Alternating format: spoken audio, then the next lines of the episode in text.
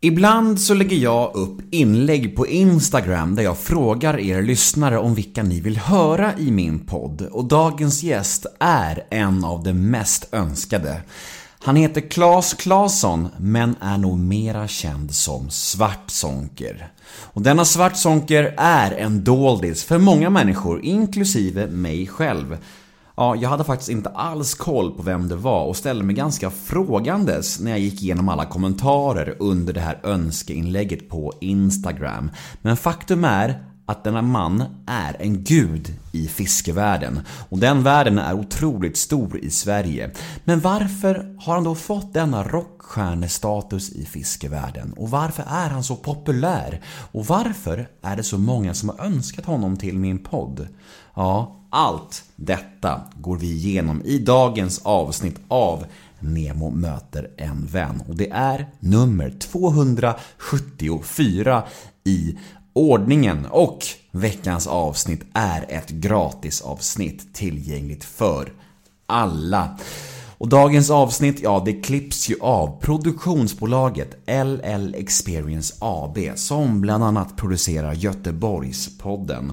Så om ni behöver en duktig podcastproducent slash klippare, gå då in på www.llexperience.se eller mejla kontakt llexperience.se Tack LL Experience för ett gott samarbete. Och mig når ni precis som vanligt på nemohedén gmail.com där tar jag gladeligen emot mail från er om ni har synpunkter på podden, ni kanske vill önska gäster eller vad som helst. Maila mig gärna. Och följ mig gärna på Instagram. Jag heter kort och gott Nemo Hedén. Men nu ska jag sluta babbla. Jag tycker vi drar igång den här podden nu. Det är dags för Klas Klasson, mera känd som Svartsonker i Nemo möter en vän avsnitt nummer 274. Rulla gingen. Nemo är en kändis, den största som vi har. Nu ska han snacka med en kändis och göra någon glad. Ja! Nemo, ja det är Nemo.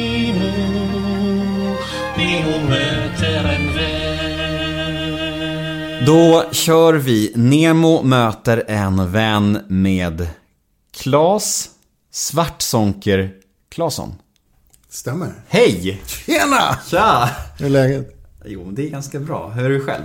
Det blir skönt. Ja. Vad är det? Vi har setts i sex minuter nu. Det känns nästan som jag känner det på något vis. Märkligt, men, men så är det. Ja, du sa det. Att det känns som att du känner mig. Och jag känner samma känsla. Jag vet inte om det är för att eh, du har stakat mig eller för att jag har stakat dig.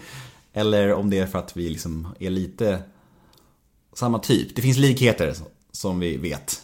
Jag, jag, jag känner det på mig. Ja, ja, men det är intressant för just, alltså vi kommer komma till det där med nykterhet senare under podden. Men just det där med att jag tycker man känner det överlag i livet när man träffar någon som är clean. Så är det så att man snackar samma språk och man känner instinktiv kontakt med dem ju. Det blir ju så. På något vis ja, definitivt. Jag har ganska många sådana aha-upplevelser. Eh, Den coolaste var faktiskt i eh, kanadensiska vildmarken för några år sedan. Mitt ute i en kamp, inga människor. Sex dagars fiske. Träffade en snubbe. Han bara frågar, är du polare med Bill och Bob eller? Ja. Okej, ska vi dra ett möte? Den är rätt cool. Och för er som inte vet då, man måste ju alltid så berätta lite kontext. Bill och Bob, ja, de skrev stora boken som man jobbar efter inom 12-stegsgemenskaper. Ja, kan man Ja, säga. så att man liksom får lite så, så och det är, de, det är det som, ja, det är de mötena som folk som vill bli nyktra och drogfria kan gå på. Eh, jag tycker att det här ska bli eh, superspännande. Det är ju så här att jag, ibland så lägger jag upp så här inlägg på min Instagram där jag frågar mina mina lyssnare så här, jag ber dem om tips på vilka gäster jag kan ha till podden. Och senaste gångerna som jag har gjort detta så har jag fått så här ganska många kommentarer där folk skriver så här Svartsonker. Och jag ska, vara, jag ska vara brutalt ärlig med dig nu för att eh, vi snackade ju innan om att är vi gillar båda två. Ja. ja men precis, jag är ärlig med dig nu. Eh, jag eh, känner mig ganska bevandrad inom offentligheten och, och så här, men jag hade, hade noll koll på vem du var. Men det var så många som önskade dig, så jag blev så här, vem är den här Svartsonker? Så jag måste så här, så jag började googla lite och så bara, oh, men shit. Ja, nu, det han måste jag, jag ha med. Det var då jag skrev till dig och nu sitter vi här. Coolt. Ja, och men- snabbt som fan gick Ja, det. eller hur? Men vem är du då? Berätta för mig och alla mina lyssnare. Ja, vem fan är jag? Jag är... eh, Jag är en vanlig snubbe som eh, gillar att leva, kortfattat. Ehm, jag har... Ehm, jag är 49 bast. Eh, har ehm, en enorm passion för mat, fiske och människor. Eh, jag gillar konst. Vad gör jag mer? Jag har bytt livsbana några gånger, ett gäng gånger kan man säga. Jag eh, var med och drev lite restaurang en gång i tiden, bland annat Hungry plus Turk. Eh, Jag har jobbat som pedagog, lärare. Jag har jobbat som specialpedagog. Och så helt plötsligt fick jag för mig för att satsa fullt in på min hobby och det var fiske. Eh, Släppte allt, hoppade på det tåget. Eh, började tälja grejer med en morakniv och idag har jag ett företag tillsammans med två andra som går väldigt bra. Kortfattat. Grattis. Tack. Ja, skönt. Eh, Men varför tror du att så många har önskat dig som gäst i min podcast då?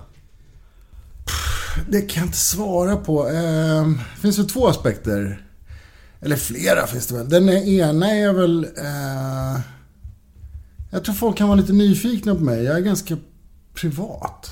Det vill säga, jag... Eh, jag tackar ganska ofta nej till att vara med i offentliga sammanhang. Eh, och det märktes ganska tydligt. Jag var med och eh, var programledare i två program eh, under en period. Eh, Bland annat ett som hette Fiskefeber och även Kniven mot strupen. Eh, Och då, ja, du vet ju själv hur det är när man är i den svängen. Det bara rasar in och alla vill veta allt. Och, eh, där någonstans så... Eh, I Fiskefeber så var jag även exekutiv producent. Jag var, det var en av mina program, det var en programidé för mig bland annat. Och där så eh, var vi väldigt mjuka, härliga, öppna och eh, kramgoa kan man väl nästan säga. Eh, och jag tror inte... Det kanske skapade en nyfikenhet på vem jag är, för vi bara skrapar på ytan där någonstans. Jag tror det. Och sen är det så, fiskevärlden är ju enorm. Den är betydligt större än man tror. Jag menar, vi bor, vi är 10 miljoner i Sverige. En och en halv miljon av oss fiskar. Minst fem gånger per år. Så det är en liten sån här dold subkultur liksom. Eh, och Det, jag har ju rätt många fans liksom. Kanske det. Ja, det var ju känslan när jag eh, När jag faktiskt frågade mina följare då Jag frågade igår på Insta Stories Vem är denna Svartzonker? Och då var det som att hälften eh, av de som svarade sa bara Vad fan pratar du om? Vem fan är det? Vad är det för konstigt namn liksom? Och hälften var bara Han är en gud! Han är så jävla skön! Och han måste du ha med och han är så soft och du vet något sådär. Och han vill hjälpa andra, han föreläser. Han, ni skulle ha så mycket att prata om. Och, så det var verkligen som att de som vet vem du är, de gillar verkligen dig. Och, och för, och, men för många andra är det bara, vem är det liksom? Ja. Det är okej. Skönt ju. Det är skitskönt. Ja, eller hur? Men vad fan, ska vi, ska vi ändå ta det lite från början? Do it. Vart, eh, vart är du ifrån? Jag kommer ursprungligen från Norrtälje. Ehm, växte upp i Norrtälje. Eh, flyttade till Högdalen ganska tidigt. Vad kan jag vara? Jag var väl nio bast va, tror jag. Skebo Kvarnsvägen. Yes, såklart. 332. 281 här. Mm, high five. Alla har bott på Skebo Kvarnsvägen. Det är en lång jävla väg alltså. Det är typ Sveriges längsta väg. Det är Stockholms längsta. Jag tror fan det Ja, alltså. ja. Ehm, jag bodde där i fyra år. Ehm, flyttade tillbaka till Norrtälje. Ehm, bodde där tills jag var... Ja, jag bodde där tills jag var 20. Eh, men jag började plugga till kock när jag var 16. Så då bodde jag väl till och från liksom. Ehm, började jobba som kock.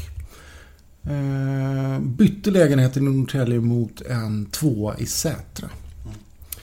Bodde i Sätra, jobbade som kock massa, massa, massa, massa år. Men om vi bromsar lite där. Jag, nu, nu spolar du förbi hela uppväxten och barndomen. Det kanske var med flit, jag vet var med inte. flit. Det var med flit. Jag tänkte fråga, vad var det för typ av barndom? Nej, men den var rörig. Ja. Så det fanns ett syfte med att spola förbi där? Nej, men alltså man... Det är också en sån här, jag vet, jag vet inte. Alltså, för oss, det är lätt att bli gränslös liksom. Eh, jag menar, jag skulle kunna fläcka ut mig hur mycket som helst. Eh, frågan om det alltid måste. Det är kanske är intressantare att ha en öppning någonstans. Vem vet? Hur som helst, min barndom den var rörig. Jag hade det tufft. hur var du? Hur var du?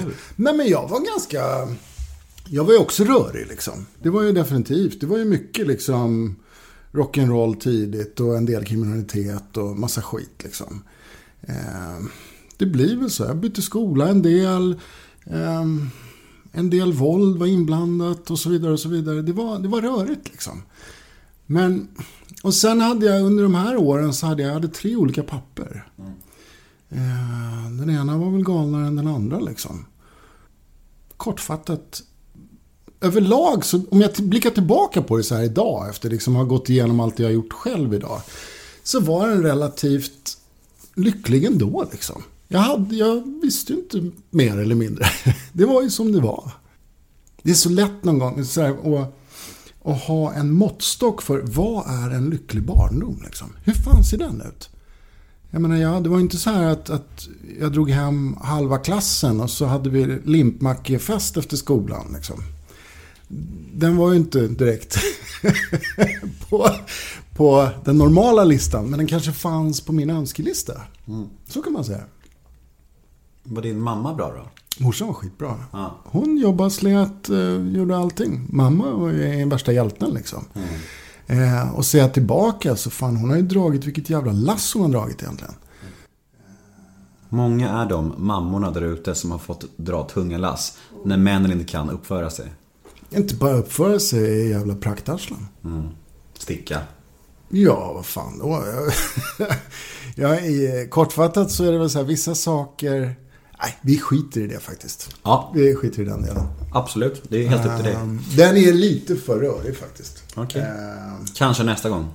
kanske nästa gång. ehm, Har du öppnat dörren till det här någon gång? Alltså jag, men, jag menar i föreläsningar eller... Ja, men det är en annan grej. För då är jag i en sal. Ja. Eh, problemet som, som jag... Eller det är inte ett problem, men jag har aldrig outat hela min historia.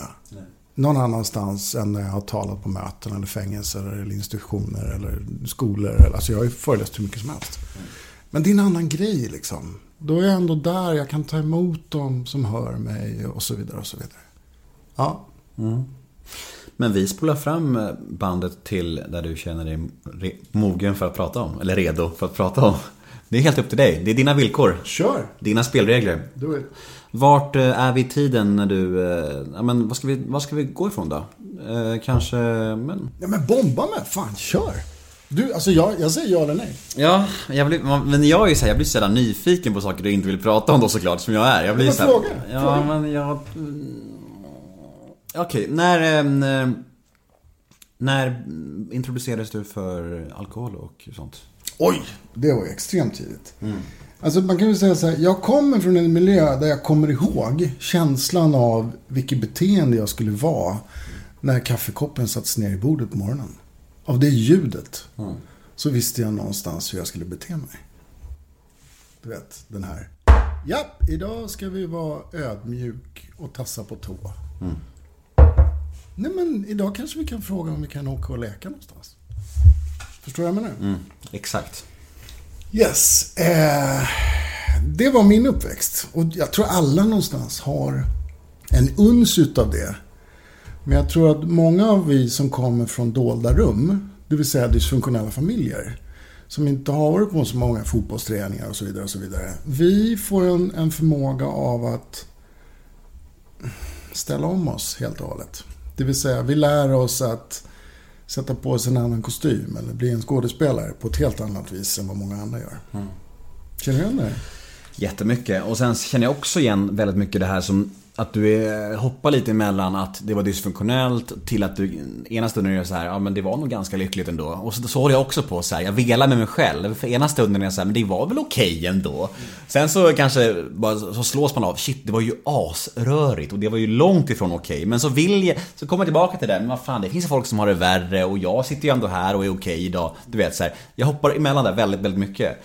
Eh, och, eh, så jag känner igen mig supermycket och jag tror därför blir jag blir så nyfiken liksom. för, för, att det, jag tror, för ibland undrar jag liksom, vad är... Flexibility is great. That's why there's yoga. Flexibility for your insurance coverage is great too. That's why there's United Healthcare Insurance Plans. Underwritten by Golden Rule Insurance Company, United Healthcare Insurance Plans offer flexible, budget friendly coverage for medical, vision, dental, and more. One of these plans may be right for you if you're, say, between jobs, coming off your parents' plan, turning a side hustle into a full hustle, or even missed open enrollment. Want more flexibility? Find out more about United Healthcare Insurance Plans at uh1.com.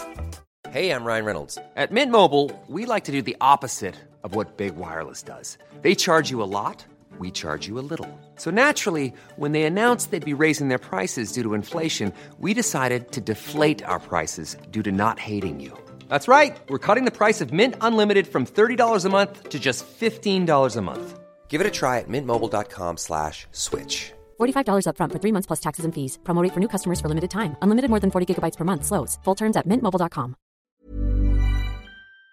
Vad är min uppfattning av min barndom och vad är liksom verkligheten? För att Min pappa och min mamma har till exempel helt olika uppfattningar om barndomen. Såklart. Ja. De är så här, pappa är så här, ja men det var väl helt okej. Okay. Vi var ju på Skara Sommarland ibland och du vet så här, vi, vi, vi, vi lekte ju så här och medan mamma var bara så här, det var misär, jag är så ledsen för allt, ja, förlåt för allt, jag är så ledsen för hur det var, du vet så här. Och tänker jag så här, hur, vad är sanningen då liksom så här? Ja, vad är sanningen? Ja. Um, Thomas Andersson Vi mm. har en fantastisk låt som heter Sanningen om mig. Den tycker jag liksom någonstans sluter in i hela den här grejen. För den är så jävla öppen för tolkning. Mm. Är det inte lite också som Persbrandt? Han döpte väl sin bok till det. Vad döpte han sin, bok till? Så som jag minns det. Så jävla smart. Så här, om, jag, om jag döper en bok till Så som jag minns det, då kan jag skriva vad som helst och, och ta bort allt ansvar. Liksom så här, det är så jävla smart. Det är rätt svårt. Ja. Det skulle säga, ja, men det är, sanningen är ju liksom på något sätt ur betraktarens öga nästan. På något sätt. Dagsform. Ja, precis. Dagsform. Men okej, okay, om vi spolar fram då. Eh, skoltiden är rörig. Eh, har du det lätt socialt? Vänner, tjejer och sådär? Både ja och nej. Eh, eftersom vi flyttar runt en del så, så blev det ju kortvarigt kan man säga. Vissa saker. Vissa saker inte och så vidare. Um, någonstans drogs jag väl väldigt mycket till det mörka om man säger så. Det förbjudna. Hela tiden, oavsett vad. Jag vet, jag kommer ihåg när jag flyttade exempelvis från, från Högdalen tillbaka till Norrtälje. Så tänkte jag så här, men nu, nu, nu räcker det, nu ska jag inte bli som dem. Och jag var, då var jag 13 år. Men jag kommer ihåg det liksom. Nu, nu ska vi börja om liksom den här verklighetsflykten. Jag tror det gick en dag i skolan så var jag i slagsmål. Det var inte så mycket att börja om på där inte. Nej. Och då hamnade jag ju direkt med de tuffa grabbarna och tuffa tjejerna. Liksom. Jag ville ju vara med dem fast jag inte ville det på något vis. Jag vet inte. Den där är, den där är jävligt svår. Och just i den åldern också. Man vill ju vara omtyckt. Man vill ju vara en del. Och får man inte vara med dem och så får man vara med dem. Eller, ja, man hamnar ju någonstans i det facket där man blir placerad. Mm.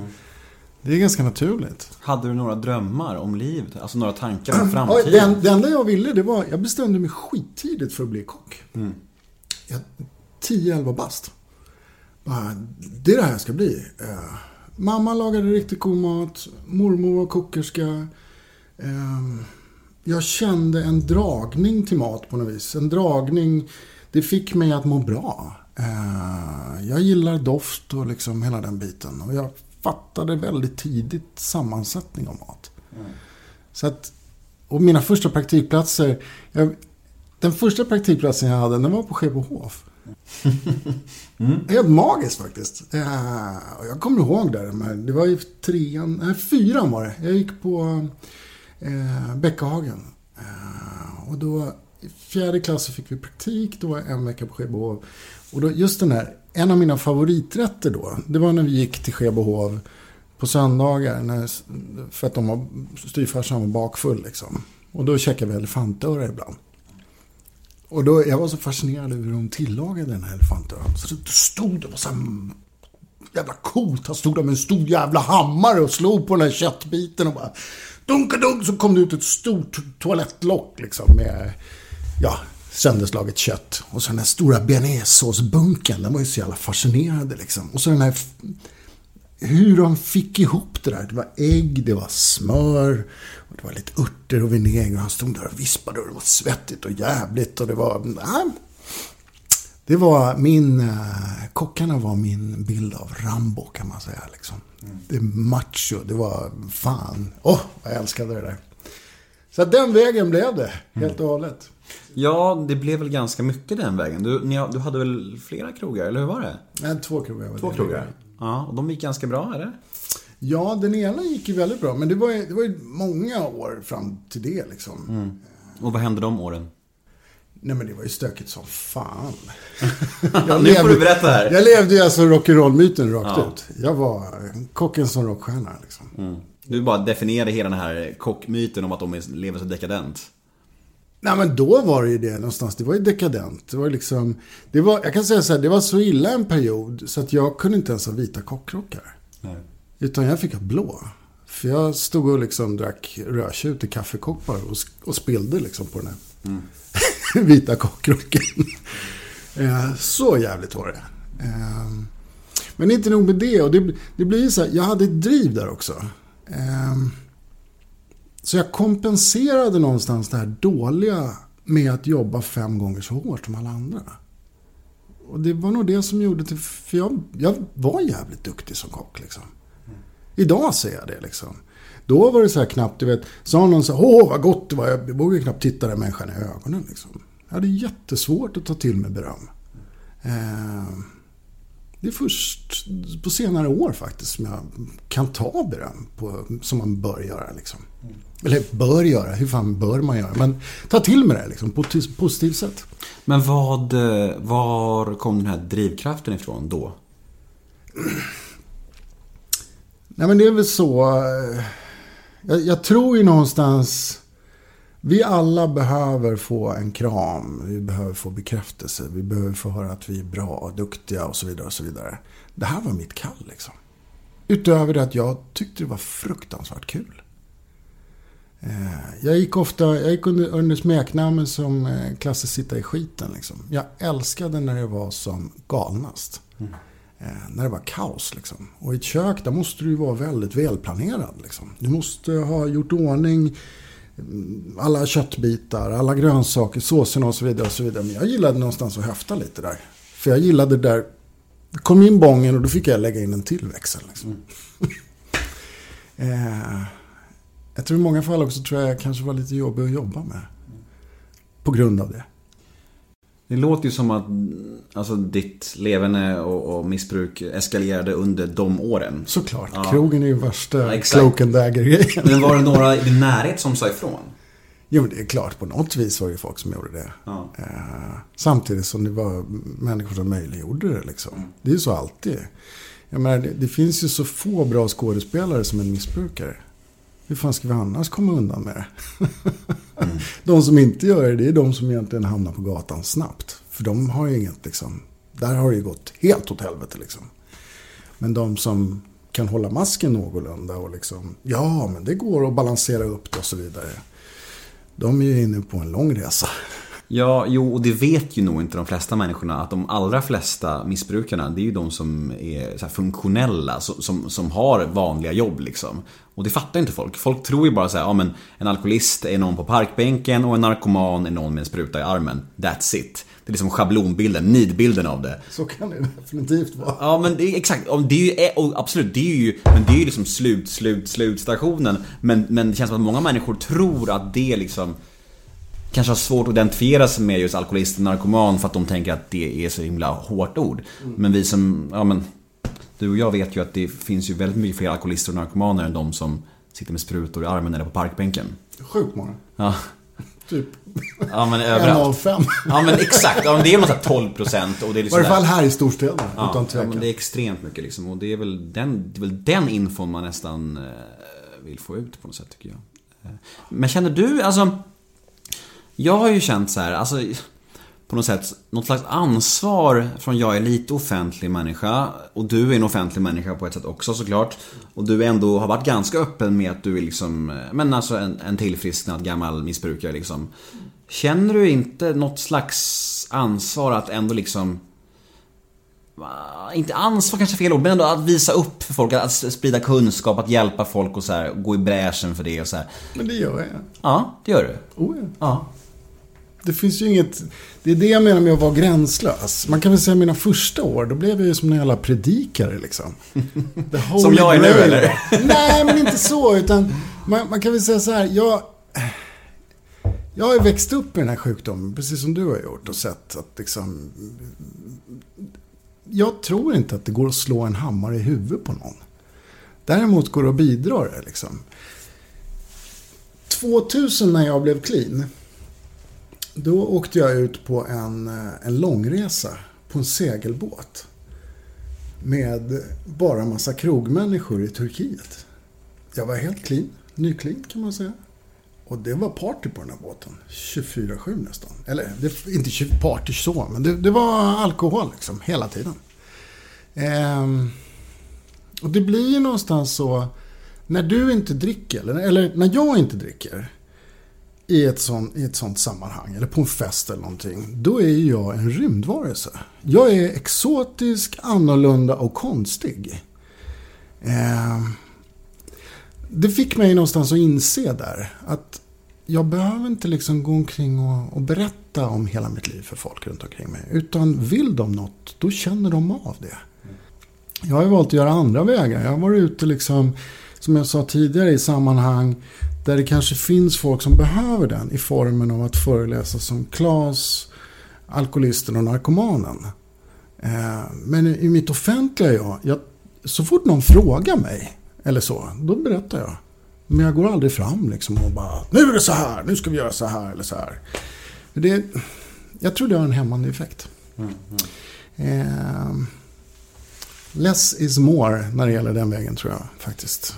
Ja, det står väl till och med i den här boken, som vi pratade om i början, att eh, vi sysslar inte med propaganda. Vi, sy- vi sysslar med attraktion. Exakt. Och det är ju, alltså Jag kan ju verkligen känna igen mig där att, att mina första ett, två, tre år så var jag väldigt så här att jag ville liksom berätta för alla och, och, och gärna liksom men få in mina vänner och hålla på sådär. Och det är väl först nu sista året som jag någonstans har fått lite så här nyans i det där och liksom Alltså men, men jag får bromsa mig själv. För jag, för jag, jag går hela in i rollen att jag vill sprida kunskap om det här och jag vill prata med folk och jag vill få folk att känna igen sig i min historia. För det har resulterat i att många kontaktar mig och hänger med på möten och så. ja, så. Men, men, jag, men jag hör ju det också. Jag fattar ju att man inte får bli för på. Det är ju verkligen så här, den här balansgången.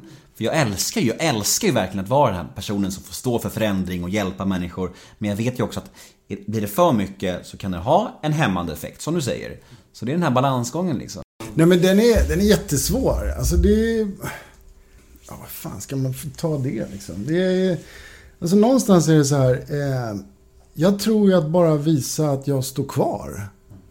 Så räcker ju det. det. Jag har ju fått telefonsamtal ändå. eh, Utan att liksom... Hej, kolla! Nu ska vi dela ut pamfletter. Följ med här. Liksom. Eh, attraktionen tror jag mer ligger i med att, att jag är som jag är. Förstår du vad jag menar? En, en liksom... Jag menar, det, nej, vi skiter i den också. Fan vad lätt det var att slinka in på mötesvängen. Ja. Men... Eh, nej, men jag, jag, det där är intressant, det som du är på väg att säga. Att grejen är så här att, att man, man, man får ju prata om alltså 12 steg, men man får inte prata om vad gemenskaperna heter. nej, nej, det, alltså, det, det skiter jag i hur som helst. Det, det är helt det, det bryr jag mig inte om. Nej. Eh, Men vad tänkte du på då? Alltså? Nej, nej, nej. Jag bara menar attraktionen i... Jag menar, jag har ju varit på, eh, på möten där folk räcker upp handen. Alltså, det här är ju ointressant i podden. Alltså. Vi skiter i det. Okej, men om vi ska prata om Din vändning då? Eh, när, när du kraschade, när det liksom var... År 2000 sa du? Länge sedan. Då firar du 20 år i år. Ja. Vilken grej. Vet du vem som mer firar 20 år i år? En poddgäst till mig som jag hade för två veckor sedan faktiskt. Skådespelerska, kvinna. Anja. Anja Lundqvist, precis. Ja. Så hon firar också 20 år. Nice. Ja, fantastiskt. Hon är, Hon är fantastisk. Och supermysig. Ehm, berätta om... Eh, Nej, men jag kom till... Eh, alltså det var ju... Jag hade ingen val liksom. Det, alltså jag höll ju på att kriga i flera år. Jag sökte hjälp långt tidigare än dess. Eh, alltså om man säger så här. Sjukdomen alkoholism och narkomani är... Det är eh, Satan själv. Alltså, det finns ingen som vill hålla på med det som har det som har gått ner sig totalt. Liksom.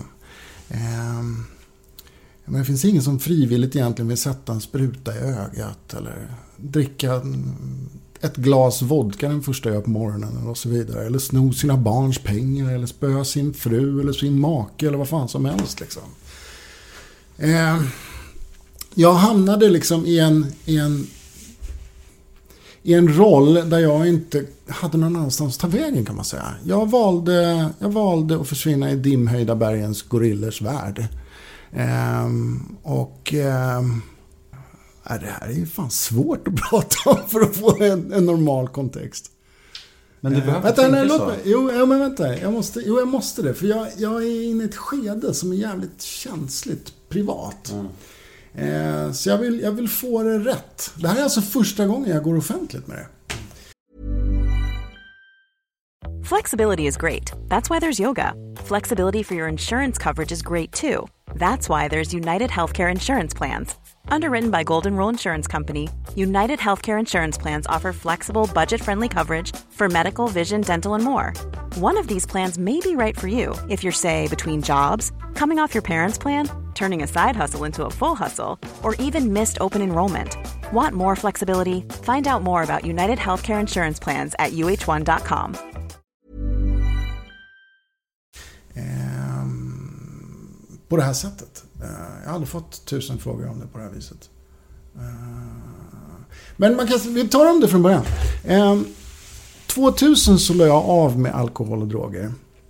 Eh, och det var ju inte första gången jag hade provat det. Utan det hade jag gjort hur många gånger som helst. Alltså, mitt mantra så ofta var ju att jag ska bara aldrig mer. Jag ska bara aldrig mer. Och ja, det hade ju kommit till en punkt där jag kanske hade en betänketid på 20 sekunder. Och sen var det kört liksom. Då plockade jag upp. Och så hade jag ett normalt fungerande jobb och liksom, det var så fint. Och jag kommer ihåg, jag var på såna här castings, för det var ju ZTV på den tiden. Det var ju skit inne med att dra igång med kockprogram liksom. Och jag var på, jag vet inte hur många sådana här castings. Jag var ju fan dyngrak när jag var där och skulle liksom... Och jag var ju livrädd för den här kameran. Så fort kameran kom fram så blev jag liksom smultron-Urban och grävde ner mig. Och blev så självcentrerad att jag inte ens kunde prata liksom. Och det är dels därför jag var dyngrak. Skitsamma. Eh, 2000 så gick det inte längre. 97 så var jag min första sväng på Maria. Som är ett beroendecentrum här i Stockholm och bad om hjälp. Det funkade inte för mig då. Utan vad som hände var att jag gick på några sådana här... Ja, jag hade ju en terapeut där som jag gick till och jag satt ju bara och ljög liksom. Det enda jag såg var ju liksom hur jag missar liksom snapsen på julen och rosévinet på stranden och alla sådana grejer. Som, jag har aldrig kunnat hålla på med det där. Jag har aldrig kunnat ta en snaps eller dricka ett glas rosé utan att det har, li- jag har varit lidande liksom. Var jag på en fest och så fick man, ja här får du en flaska, en, en liten piccolo med vin. Den ska du smutta på hela kvällen. Då fick jag ångest liksom. Eh, så då när jag gick där, då gjorde de massa tester på mig. Och visade att jag eh, hade egentligen inte så många år kvar. Jag var körd liksom. Jag har missbrukat så jävla hårt på så olika vis liksom, så att min kropp var slut. Så istället då för att ta dem på allvar så tänkte jag bara, jag ska visa de där jävlarna. Jag la i femmans växel och körde ner mig helt i skosulorna. Så 2000 så hade jag nått min riktiga botten kan man säga. Ehm. Du vet den här doften av varm aluminium. Känner du igen den doften? Den metalliska doften. Det är oftast ett tecken på, när människor luktar så, så är det ett tecken på att våra inre organ inte funkar. Reningsverket funkar inte. De flesta så här parkbänksalkisar och sånt, de luktar så. Och den doften för mig påminner mig om, om, om min uppväxt. Hur, hur mina förfäder luktade liksom. Jag luktade så. Jag var, jag var slut. Jag blev dyngrak på ett halvt glas vin. Liksom. Så då sökte jag hjälp igen. Och eh, sen den dagen har inte jag plockat upp. Och vi är snart inne på 20 bast. Har det varit nära någon gång? Jo, Återfall? ja, oh ja. Alltså, det, det är ju den, det är den grejen vi alkoholister och narkomaner har. Vi behöver ju ett hjälp för att, liksom, för att hantera det. Annars skulle vem som helst kunna sluta. Liksom. Och jag menar, det finns ju, jag, jag älskar ju att dricka vin och liksom en konjak. Och... Problematiken hos mig är att jag aldrig kunnat gjort det som de flesta andra. Utan jag dricker tills till slut. Men jag menar, en bra köttbit och en Amarone liksom. Det är ju någonting som jag kan längta efter. Men jag ser det inte som mer komplicerat idag som att jag är allergisk. Det är som att vara jordgubbsallergiker eller vad fan som helst. Okej, okay, jag blir sjuk när jag tar det, då skiter jag i det. Eh, men det är klart. En dålig dag där i början. Visst fan sög man på tummen och bara nej, det jävlar. Men det är så. Jag har ju fått lära mig att det funkar inte så. Jag tog det på allvar. Vad hände i livet rent privat här under den här... eh, När vändningen kom och när du blev nykter? Du hade... Du, du var på eh, de här restaurangerna. Eh, Hur, hur, blev du kvar där länge in i nykterheten? Eller hur? Oh ja, ja. oh ja, ja. oh ja. Alltså, det är också en sån där sak som, som är svår att diskutera för, med människor som inte är med i svängen. Liksom. Eh, det finns ju såna här saker som de flesta behandlingar och sånt säger att man inte ska göra. Du ska inte gå tillbaka till liksom, det gamla. Du ska inte hänga med de gamla och så vidare. De du liksom missbrukade med eller gjorde vad som helst. Men jag gjorde faktiskt tvärtom. Jag vill fortfarande vara Klas. Jag vill fortfarande leva. Jag vill fortfarande jobba på krogen och liksom gå ut och äta, gå ut på nattklubb, vad fan som helst. För att jag plockar bort alkoholen och drogen från mitt liv så tänker jag minimera att vara Klas. Liksom. Och det, det har funkat för mig. Hur man än säger. Liksom. Det är, jag vet inte hur många gånger jag har blivit uppläxad om det exempelvis genom åren. Eh, jag valde att ta min nykterhet på största allvar. Men hade någon sagt till mig så här, okej, okay, enda sättet du kan få hålla dig nykter det är att äta den här bajskorven. Då hade jag gjort det. Så jävligt var det. Jag ville inte tillbaka dit. Liksom. Eh, jag körde vidare på krogen och så vidare. Men det blir så här roligt också när man tar bort det här. Så vad som hände helt plötsligt så förstod jag egentligen vad det innebar att leva. För jag hade ju bedövat det under alla de här åren. Det, helt plötsligt så... Fan, livet blev ju lite ljusare och det blev inte så motigt. Och min kreativitet bara flödade liksom. Och jag fick ju energi till att göra saker och liksom bara... Fan, nu jävlar tar vi över världen här liksom nästan. Mm. Eh, av en tillfällighet då. Jag hade en dröm ganska länge. Det var att jag älskar ungdomar och jobbar med ungdomar. Jag ville bli lärare. Delvis var jag hindrad tidigare av mitt missbruk då kan man säga. Men jag var även hindrad av det att jag hade inte så jävla bra betyg liksom. För jag trodde ju då att man måste liksom... Ja, du måste ha godkänt i alla ämnen och bla bla bla liksom. Så jag började luska lite i det där. Och eh, då behövde man ju det, för du behöver ju en högskoleexamen. Liksom. Du behöver ju plugga på universitet. Men av en tillfällighet så hade vi en eh, världens bästa servitris där jag jobbade, som jag jobbade med. Som fattade någonstans att jag, fan den här snubben han, han är på fel plats just nu. Hon drog upp mig till lärarskolan. Och bara, du, du ska göra... Och jag visste inte ens att vi skulle... Vi ska fika imorgon, vi ses där, sa hon bara. Jag bara, okej, okay, ja, ja, vi ses där då. Vi möttes, hon drog upp mig från Toresplan upp till lärarskolan i Ransholmsparken.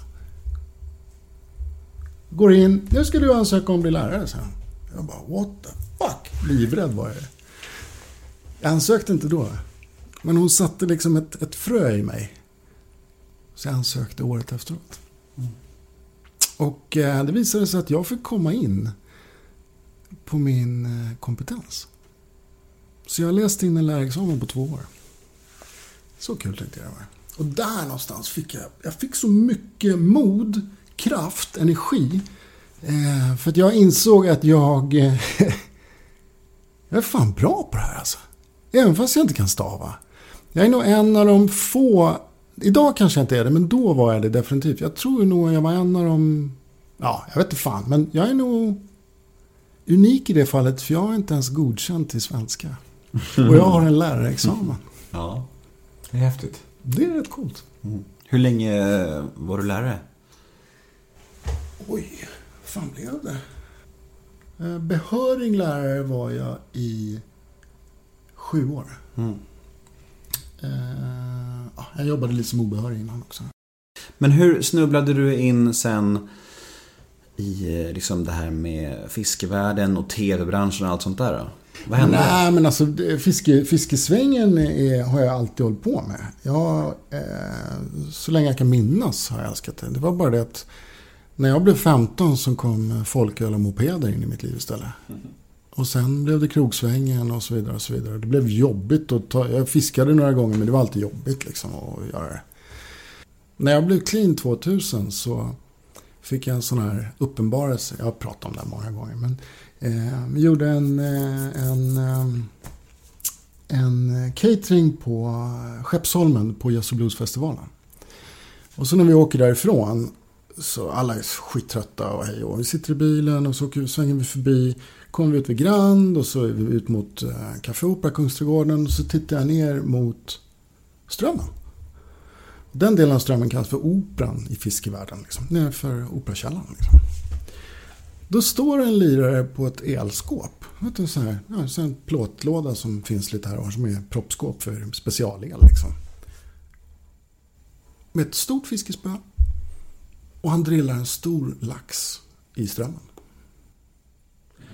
Och för mig var det... Det var bland det mest andliga jag upplevt.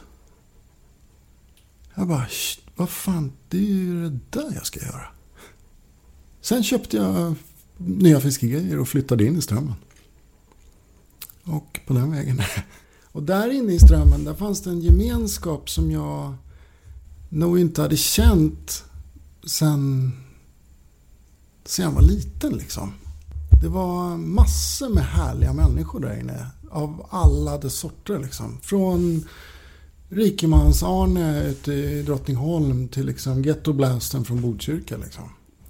Och det mötet bland människor blev väldigt förlåtande liksom. Det var lite som gamla punktiden liksom. Hellre bra än bäst fanns ingen elitism eller någonting. Utan frågar man någon om hjälp, du fick hjälp och så vidare. Det var liksom, det var skönt. Men det var ett hårt klimat där inne. Ehm, och där träffade jag rätt mycket andra människor som, som också var cleana liksom. Så jag fiskade där. Så istället för att gå ut på krogen efter jobbet så drog jag ner och fiskade i strömmen. Kortfattat. Och eh, tv-svängen då? Ja, men den kom långt senare. Ja. Eh, TV-svängen. ja, vad ska man kalla det då? Ja, nej men det var fan kul alltså. Det var rätt roligt. Eh, jo, av en tillfällighet så, eller tillfällighet, jag gjorde lite knappa YouTube-videos. Eh, och eh, så var det en, en polare till mig som snackade med Kalle Jansson på TV5. Eh, han är numera på Bigster TV. Och... Och... Eh, fan heter han Kalle Jansson?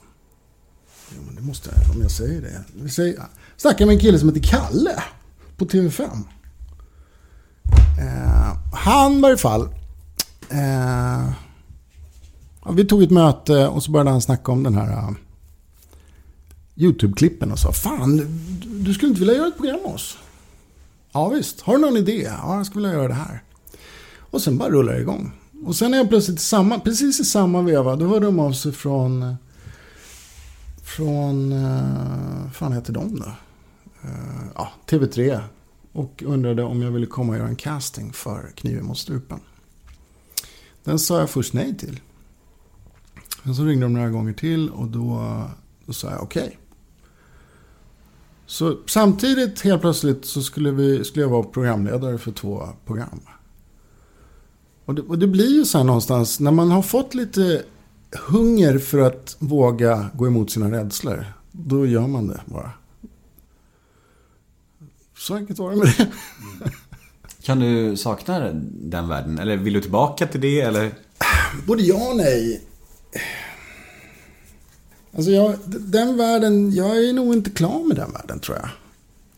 Däremot så är det så här att det, det, jag blev ju bara inslängd i någonting utan att egentligen veta spelreglerna. Och det gjorde ju det lite svårt. Du vet ju själv hur den där världen är. Den är snabb, den är ytlig, den är liksom... Tar du för mycket plats, tar du för lite plats och så vidare och så vidare. Så du ska ju passa in i ett fack liksom. Eh, jag vet inte. Jag tyckte det var jävligt kul. Samtidigt som att jag känner att jag skulle vilja ha gjort det på ett lite annorlunda vis än vad vi gjorde det då. Jag skulle nog inte ha gjort två programseriesjobb samtidigt. Liksom, exempelvis. Och så vidare och så vidare. Men däremot så öppnade det en jävla massa andra dörrar. Eh, fick träffa asmycket assköna människor. Som är helt fantastiska liksom. Eh, jag känner att min självkänsla växte av det. Eh, jag törs säga mera nej idag än vad jag gjorde tidigare. Och så vidare och så vidare. Mm, ja, lite så. Ja. Men du, men du, vad fan, jag är ju nyfiken på dig. Jag vill bara prata om mig här. det det, är blir själva- extremt självcentrerat. Ja, Poängen är Nej! att prata om dig. Alltså grejen är Gud, här. Tro mig, jag älskar att prata om mig själv. Men, om du börjar ställa frågor till mig, då får mina lyssnare höra Samma visa igen. som de har hört liksom 50 gånger. Det gör inget, jag kanske kan ställa andra. Jag får ofta stoppa mina gäster när de börjar ställa frågor om mig. Bra med kaffe? Eh, nej, det är bra tack. Det är lugnt. Det är lugnt. Eh, nej men tro mig, alltså, jag älskar att snacka om mig själv. Det, det är mitt favoritämne. men, du Jag vet. såg, ett, jag såg ett blogginlägg från dig från 2011. Oj. Oh. Vill vi ens prata om det? Det var rätt kul faktiskt. Vad skrev jag då? Nej, det var bara en kort, kort CV vem du är. Jaha. Ja, Och det, 2011. det, jag blev, det var egentligen inte CVn som jag blev mest intresserad av. Nej. Utan det var alla kommentarer. Alltså du fick ju extremt mycket kärlek. Ja, ja, kanske jag fick. Jag vet inte. Alltså 2011 var sånt jävla pissår. Det var liksom precis efter. Det var, det var ef- året efter Kungarna av, av Tylösand, den dokusåpan jag var med i. Ja, jag fattade Och det. Jag hade fått en jävligt jobbig dom på mig. Och, och jag var liksom, ja men du vet, då blir man ganska självcentrerad. Så man tror att alla hatar den liksom och alla vill döda den liksom. Så att det var ju, jag tror inte ens jag läste kommentarerna för jag var så, jag, jag var så fylld av självhat. Mm, jag fattar. Ja, vi skiter i det där. Ja, det kan vi Vi göra. pratar om mig då. Ja, det tycker jag vi ska göra istället. Mycket roligare. ja. Du ställer fram en, en, en eh, skål med choklad här. Jag har faktiskt varit fem månader utan socker. Oj! Det är du. Ha! Fan vilken karaktär. Ja, alltså jag vet inte. Men, det, men, men som, som fullblodsberoende så, så är jag väldigt så att om jag äter socker så bara vräker jag i mig. Eh, Men jag har fan fem månader clean från socker. Jag är så jävla stolt över det. Det, det, näst, det var nästan svårare än drogerna. Nej! Alltså på, ett, alltså på ett sätt, eftersom att det är socker i allt liksom. Eh, Så det har också varit eh, en jävla grej alltså. Eh, Men det ska vi inte prata om nu. Vi ska, vi ska leka lite snabbfrågor. Shoot. Ja. Paradrätt. Oj. Puh. ja, det är... pff, Ja, paradrätt. Det är bla, bla, bla, bla. Vad är det, din rätt som du gör liksom när du så vill skämma bort någon? Det är, vad är du bäst på? Vad gör du liksom bäst i världen? Din specialitet. Men jag har ingen. Jag, eh, jag är jävligt... eh, Men om vi pratar om comfort food. Då skulle jag nog säga så här. eh, Höns, eller kycklingcurry på eh, gammeldags vis liksom. Du vet, en sån här bara koka en hel kyckling. Bra curry, lök, lite äpplen, grädde, buljong. Och så kokt ris. Gegga, blanda liksom. Det Mums! klassiker. Ja, det tar jag gärna. Eh, vad gör du när ingen ser? Oj! Det finns ju massor med grejer. Klia mig i rumpan. Vad... Svär. Det får du ju också göra. Det får du göra när man ser också om du vill. Vad missbrukar du idag? Oj. Uh... Den nässpray.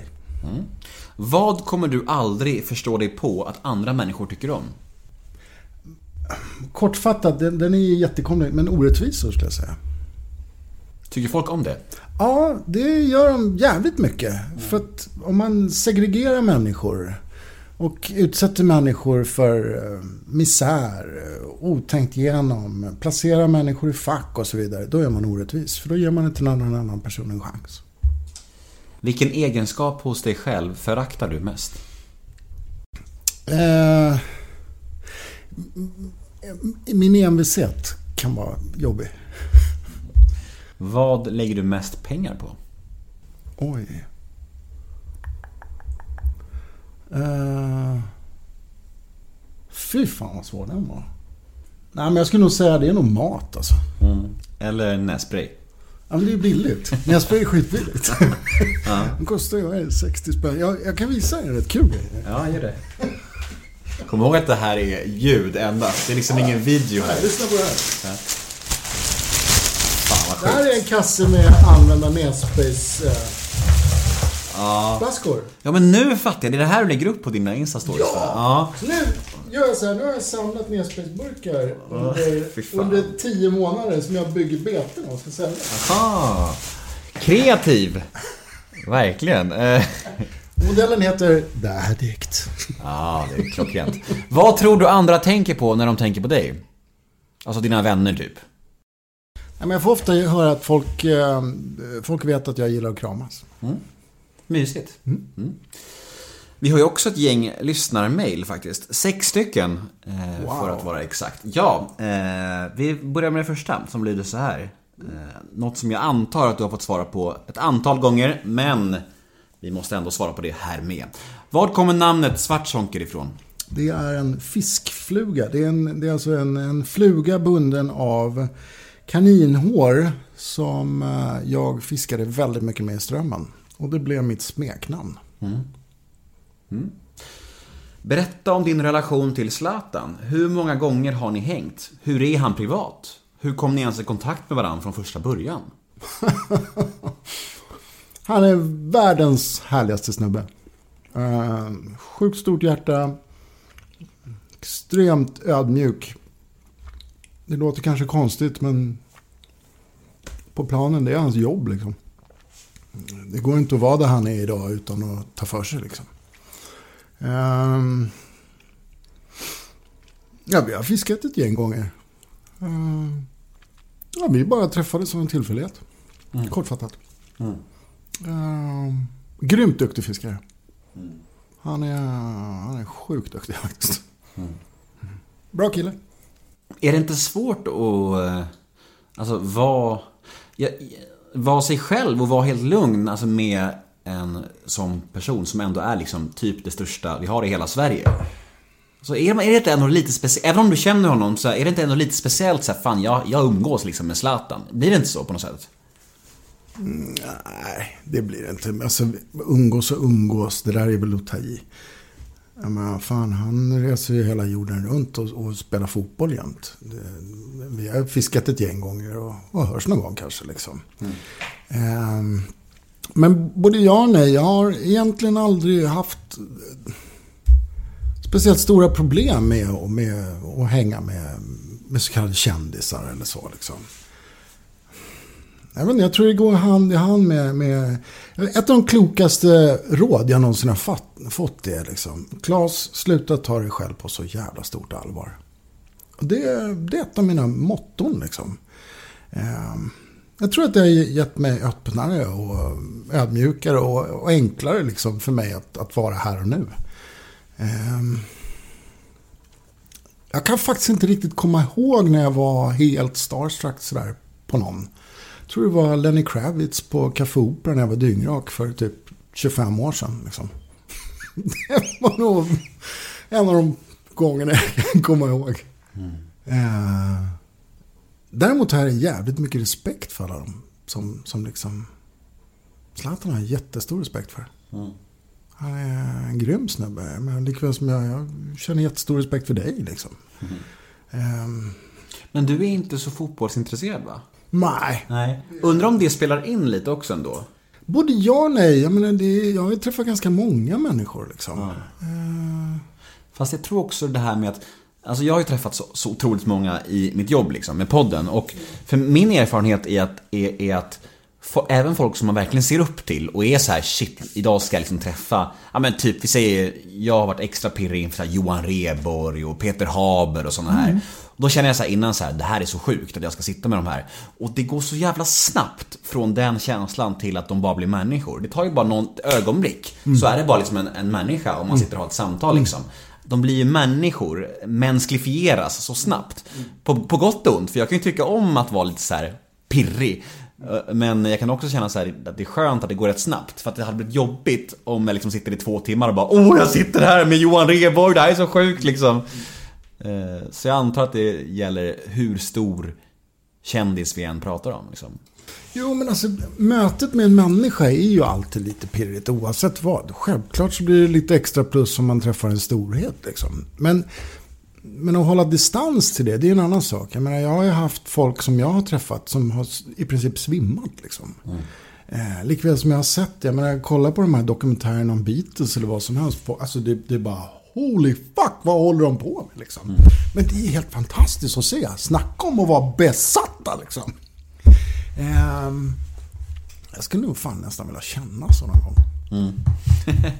Du har ingen stor idol eller? Du har, du har ingen som du skulle bli helt pirrig i byxan av att träffa? Jo, men det har jag säkert. Eh, på rak arm, jag vet inte. Jag tror fan... Eh, Joe Strummer skulle jag nog bli det om jag träffar han. Utan tvekan. Ehm, Bra, då har du, då har du någon i alla fall. Ja, vi kör nästa lyssnarmail. Ja. Eh, berätta om din reklamfilm för Volvo. Hur kom det sig att det blev en sån grej och hur mycket betalt fick du?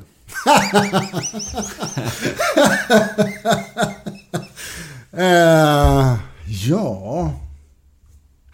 Jag tror så här, jag tror Volvo var jävligt smarta där faktiskt. Eh, som jag nämnde tidigare, vi har 1,5 miljoner sportfiskare i Sverige.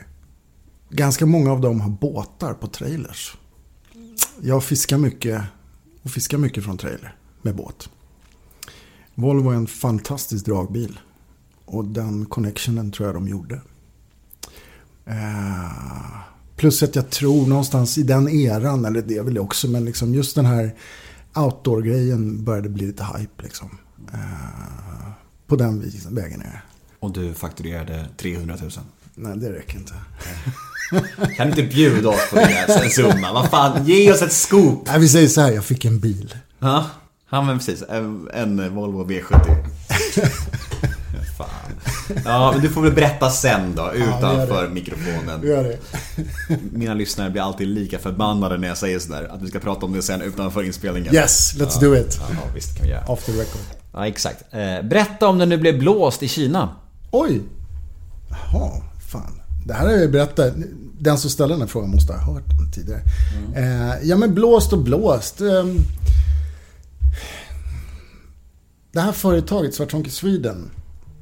När vi tog eh, beslutet om att gå all in. Det vill säga satsa på det här. Jag höll ju på och byggde trebeten under massor, massor med år. Och eh, la undan lite av de pengarna. Och så beslutade vi oss för att eh, gå från trä till massproduktion.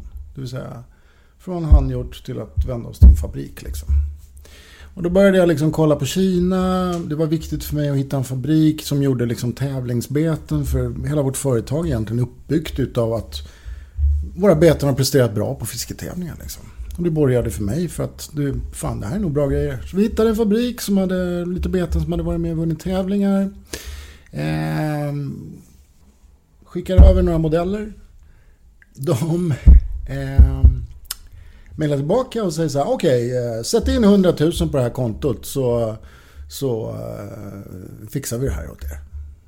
Jag bara, what the fuck? Liksom, hela min magkänsla sa bara, nej.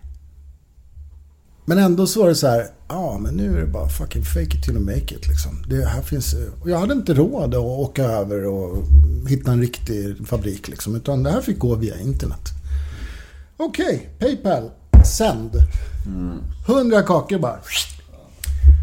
Men grejen var att vi fick faktiskt en produkt av den här leverantören. Som vi sålde under flera år. Problemet sen var att produkten började bli väldigt bristfällig. Liksom. Och jag var inte så bra på sociala koder med, med hur man bemöter människor från andra världsdelar och sånt. Utan jag skrev bara Vad i helvete är det för skit du skickar till oss? Och så pratar man inte ofta med, med asiater. De, det ska vara ett respekt, mer respekt till det. Så att de bara stängde kranen rakt upp och drog in på allt. Vi fick inga produkter, ingenting. De eh, saboterade formarna och eh, det kostade oss en jävla massa pengar. Så där var blåsningen kan man säga. Mm. Förstår. Men det fanns också en egen del i det som man hör. Det fanns en stor del i det. Ja, Men egentligen, det kanske var lite hårt. Men det var, det var den hårda skolan. ja jag fattar. Eh, mail nummer fem lyder. Är du singel? Har du barn? Vill du ha barn? Jag har tre barn och jag är i en relation. Sista lyssnarmailet lyder så här. Vad föreläser du om? Oj, det är olika. Jag skulle säga, jag, när jag föreläser, föreläser, då pratar jag om fiske liksom. Och livet och mat. Sen så delar jag ofta med mig av min livshistoria. Och det väljer jag att inte kalla för föreläsa. Utan det är att dela med mig. Mm, Du åker till så här behandlingshem och sånt där? Ja, fängelse, behandlingshem, skolor. ehm, typ. Institutioner. Precis. Ja, fint. Det är ju något av det mest givande man kan göra faktiskt. Underbart. Glädjer mig att höra. Eh, Du, vi börjar bli klara. Yes! Äntligen! Gud! Men fan vad jobbigt det här var. Var det? Nej men alltså jag har aldrig suttit och snackat så här. Det här var lite väl naket. men du det var det? ganska härligt faktiskt. Ja. Det finns ju naket på olika vis liksom. Ehm, men jag menar, det är eh, egentligen första gången när vi gjorde en, en lite djupare dykning i, i det personliga Klas. Än vad jag gjort tidigare. Jag Så tack för det. Ja, men tack själv. Jag försökte ändå blanda friskt, liksom. Prata mycket alltså jobb, missbruk och alltså allt, liksom. Få med alltihop. Mm. För jag tror att folk är nyfikna på hela paketet. Ja, vad tycker du vi ska gå ut med för visdomsord? Ehm, visdomsord. Ja, det, det, jag älskar när folk säger floskler. Jag, jag gillar det ordet. Floskler. klyschor eller typ? Ja, precis. Men egentligen är det så här att det, alla de här flosklerna och klyschorna finns ju av en orsak. Exakt. Eh, Det är ju för att det någonstans har funkat för någon. Mm, verkligen. Så jag skulle säga så här. Var inte så jävla rädda. Ta för er. Klockrent. Tack eh, Svartzonker. Tack själv. Hej då! Hej då!